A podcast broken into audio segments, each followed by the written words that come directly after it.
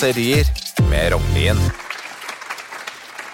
Hvert år blir Årets ord kåret av Språkrådet. I 2021 vant sportsvasking, og året før gikk koronaen til topps. Det har jeg ikke problemer med. At krymflasjon vant i fjor, er derimot en stor skandale. Den moralske vinneren er utvilsomt sjarlaman.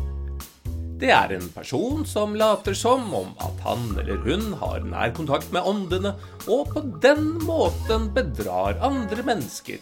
F.eks.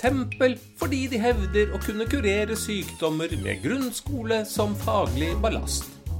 Altså en blanding av en sjaman og en sjarlatan.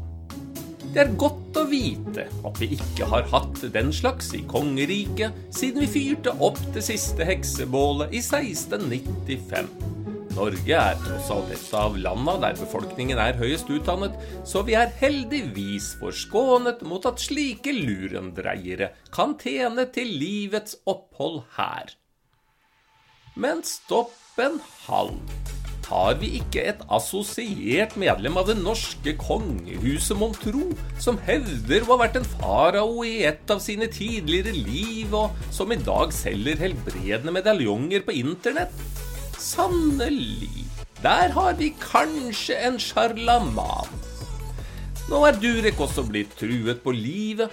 Da må det være godt å vite at skulle det gå så ille, blir han sikkert gjenfødt til noe veldig gøy, han som allerede har trukket vinnerloddet minst to ganger og eid både pyramider, dronning og en prinsesse. At han ikke gleder seg til døden, kan jeg like fullt forstå. Noe av det vi andre drømmer om, er igjen å møte de av våre kjære som gikk bort før oss, det er ikke like viktig for verre, siden han snakker med sine døde forfedre hele tiden. Dessverre er det begrenset hvor mye en stakkars Durek kan utrette og helbrede helt alene.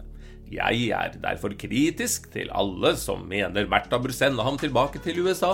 Spørsmålet er heller om vi trenger flere sjarlamaner, ikke færre. Det er jo snart umulig å få tak i en fastlege allikevel, i hvert fall hvis du er opptatt av å få en som skjønner hva du sier. Over hele landet pugger nordmenn gloser på både polsk, swahili og urdu i håp om å gjøre seg forstått på neste legevisitt. Ikke noe hadde vært bedre om vår nasjons prinsessekjærestekrise kunne vris til noe konstruktivt og samtidig kurere vår fastlegekrise. Jeg har mange en gang gått til både allmennleger og spesialister, og det er ikke alltid lett å henge med i svingene. Et problem er at de vil ha deg ut fortere enn svinn, og verst av alle er fastlegen. Hastlegen kaller jeg ham. De gangene jeg ikke klarer å legge fram mitt ærend raskt nok, og går to minutter over mine tilmålte tid, får jeg skjenn. Det til tross for at jeg selv aldri bruker kjeft, de gangene deres egne forsinkelser gjør at jeg tilbringer en time på venteværelse.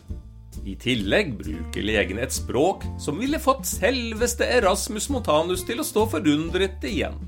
Det er her sjarlamanen Durek Verre har sin styrke. I stedet for å bevege seg inn i latinsk-medisinske terminologier, der molekylære celleforandringer og tumoragnostiske medikamenter dissekeres og formidles på uforståelige måter, fastslår han i boken Spirit Hacking at kreft skyldes negative tanker. Det er et språk vi skjønner. Det har han sikkert kommet fram til ved å lete etter fellestrekk hos kreftpasienter og oppdaget at ingen av dem fremstår spesielt humørfylte. Ikke bare er dette lett å kommunisere til de snart døende, men sannelig har han spart oss for milliarder av kroner til kreftforskning også. Så la oss heller sende Durek opp til bygdene i Nord-Trøndelag eller Nordland, slik at også de som ikke har fastlege, kan få hjelp til plagene sine. Alternativt kan vi sende ham til Fredrikstad, hvor han hevder at familien hans kommer fra. Der har de allerede i mange år dyrket lokale helter som Aune Sand, Raimond og Staysman, og i det selskapet skiller ikke sjarlamanen seg spesielt ut. Han vil bli tatt imot med åpne armer og et åpent sinn. Og for å berolige Durek Verret, kanskje til og med åpne lommebøker. Du har lyttet til Kuriøse kåserier